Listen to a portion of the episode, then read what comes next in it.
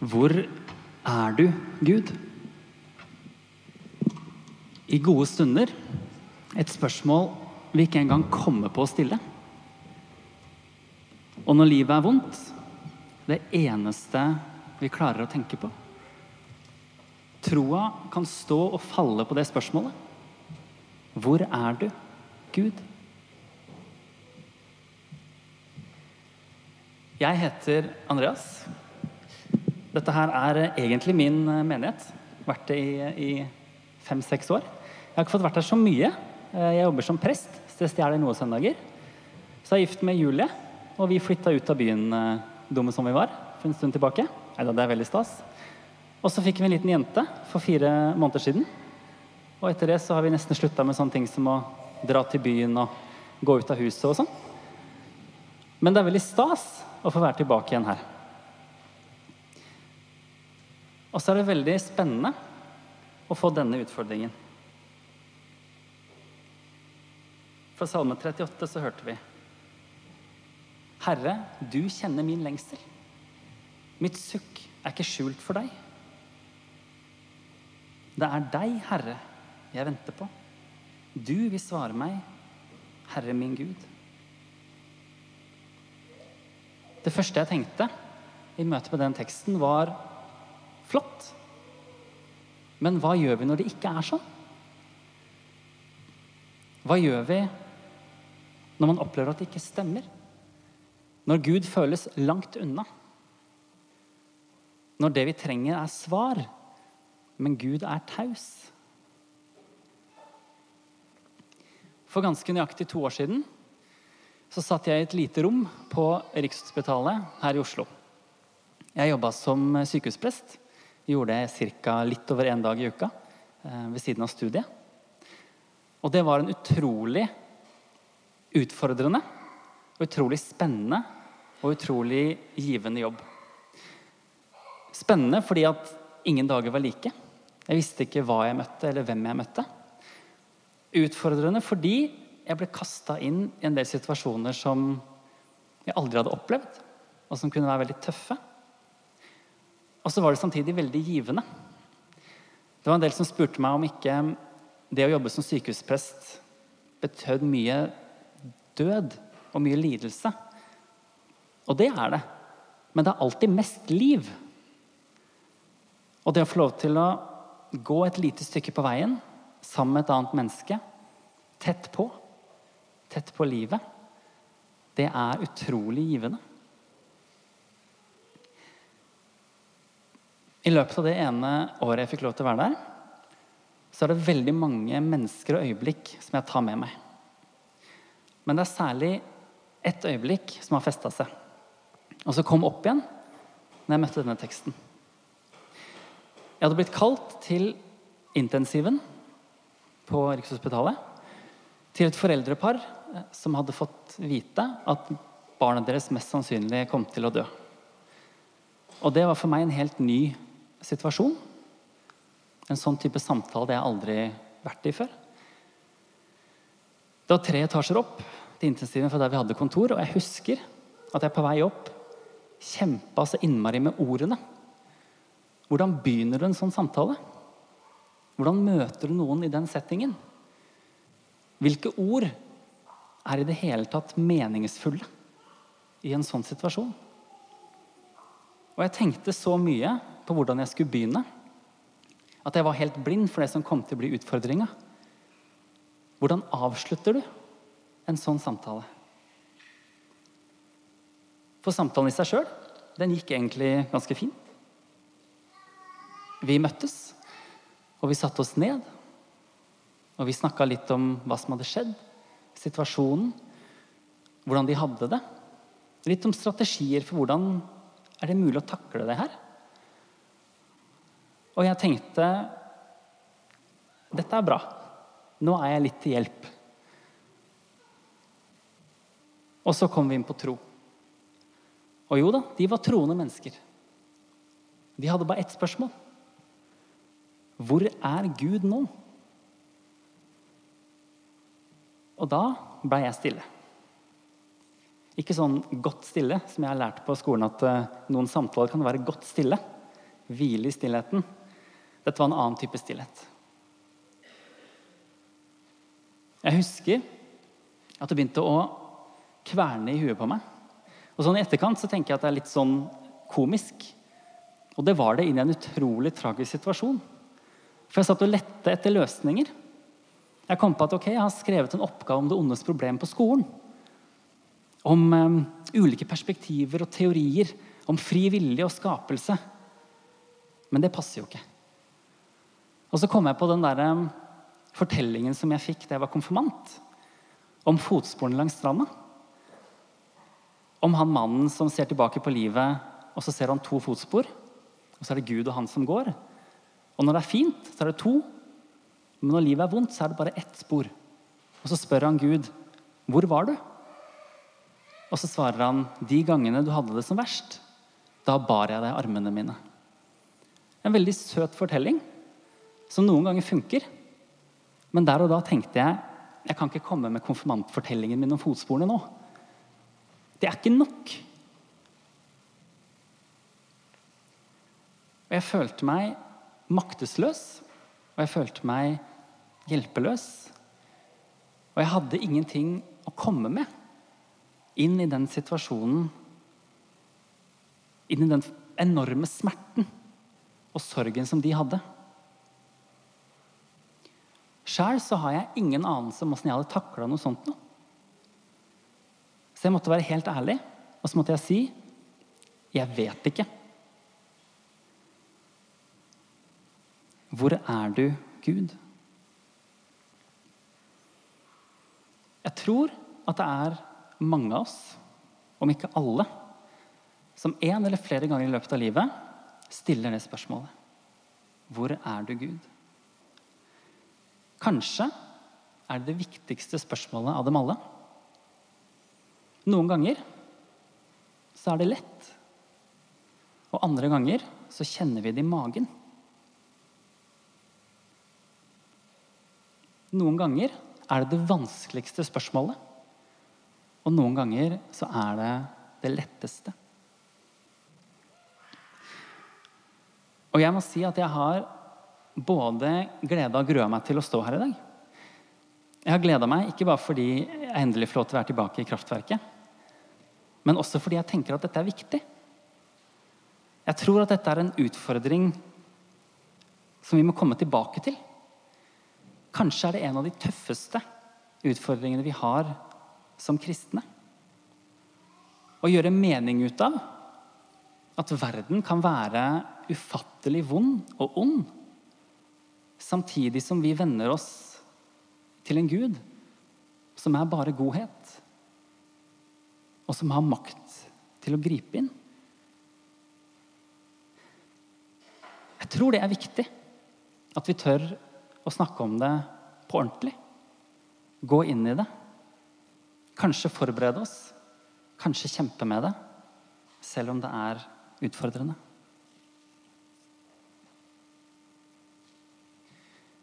I Askim, der hvor jeg jobber som prest nå, så er vi akkurat, akkurat ferdig med konfirmanttida. Og det er en utrolig herlig tid å få lov til å få betalt for å henge med, med ungdommer. Utfordre og tulle og leke og lære. Og vi har lært masse. Vi har lært om eh, treenigheten, vi har lært om bønn og frelse, vi har lært om nattvær og dåp. Og så har vi kjempa med det klassiske konf-spørsmålet. Hvordan kan Gud være god når det fins så mye vondt i verden? Og noen ganger så har jeg tenkt at det er litt rart hvordan ungdom på 15 kan tenke at det er null stress å tro på at Gud ble menneske. Null stress å tro at et menneske sto opp fra de døde. Null stress å tro, tro at Jesus er i brødet og vinen. Men at Gud er god, der ryker det. Den er vanskelig. Men hver gang jeg tenker noe sånt, så tar jeg meg innmari kjapt i det igjen. Fordi det der treffer jo meg i magen nå. Jeg har fortsatt ikke svaret. Det er fortsatt noe som vi må tilbake igjen til. Kanskje er spørsmålet om Guds godhet og verdens lidelse det spørsmålet i den kristne læren som kommer på en måte tettest på livet. Sånne ting som inkarnasjon, at Gud ble menneske. Sånne ting som oppstandelse. Det må vi bare tro på. Vi må velge å tro på det. Frelse, himmelen, Guds rike. Det er sånne ting som vi bare kan forstå fullt ut i et liv etter dette. Selv nattverden, som er så fysisk og konkret, har noe mystisk over seg som vi bare må tro og stole på. At Jesus faktisk møter oss kropp i kropp. Men Guds godhet og Guds allmakt i møte med en brutal verden, det handler om livet her og nå. Det handler om gode og vonde opplevelser. Det handler om lengsel og håp. Og det handler om lidelse og kjærlighet. Kort sagt det handler om menneskelighet. Det er menneskelig å bli sint når vonde ting skjer.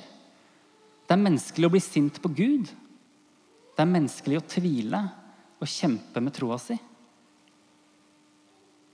Og så er det veldig menneskelig å ville forstå. Og der er jeg. Jeg vil så veldig gjerne forstå. Skape en mening i det meningsløse. Men så er det sånn, tror jeg, at det fins sider ved Gud som vi ikke kan forstå. Det fins sider ved Gud og ved troa som vi ikke kan begripe fullt ut. Og det aksepterer vi når alt er bra. Men det syns iallfall jeg er mye vanskeligere å akseptere når ting er vondt.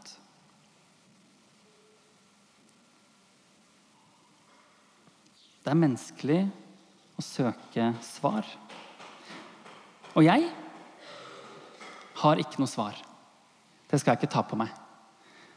Men jeg har hengt meg opp i menneskeligheten. For at Gud er menneskelig, det sier noe om troa vår. Tro, det er et ord som høres ut som noe som sitter oppi hodet. Og det gjør det. Troa sitter i hodet. Men mer enn det så sitter den i hjertet, og så sitter den i kroppen. Tro er noe vi gjør. Tro handler om å holde seg nærme Gud.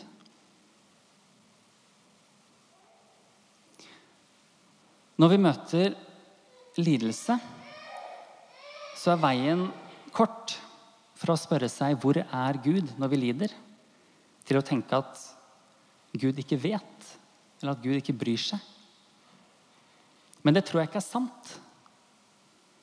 Fordi Gud også er menneskelig. Gud vet hva det vil si å lide. Gjennom Jesus ble Gud menneske. Og gjennom Jesus opplevde Gud lidelse. Gjennom Jesus døde han på korset. Og det blir ikke mer menneskelig enn Jesus sine siste ord på korset. Min Gud, min Gud, hvorfor har du forlatt meg? Hvor er du, Gud?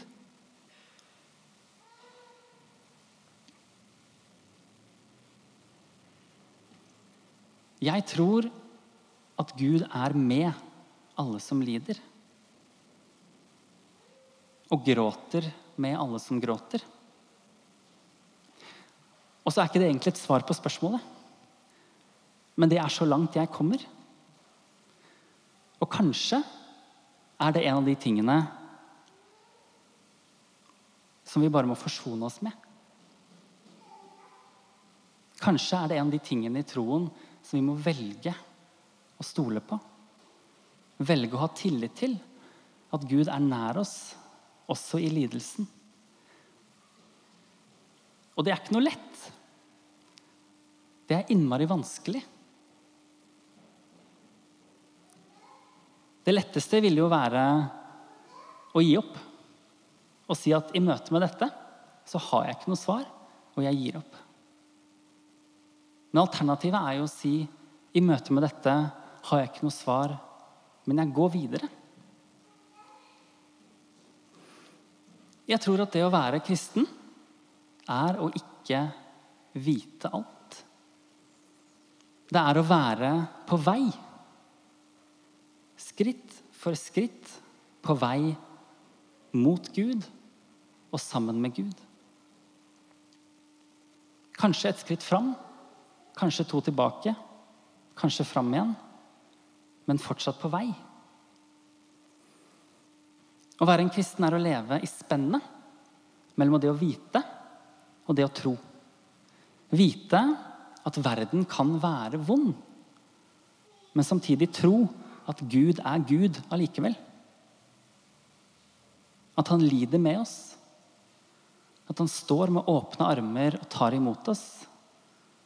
At han elsker oss. Hvor er du, Gud? Det er det vanskeligste spørsmålet fordi det kommer tett på. Fordi det handler om livet i en brutal verden. Det handler om tillit og taushet. Om tro og tvil. Men på den andre siden så er det også det letteste spørsmålet. Fordi svaret ligger rett foran oss. I gudstjenesten, i Bibelen, i bønnene, i lovsangen, i nattverden og i fellesskapet. Svaret på spørsmålet 'Hvor er du, Gud?' har alltid vært og vil alltid være her.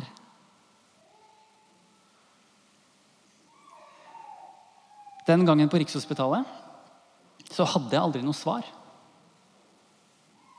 Men jeg hadde noe annet.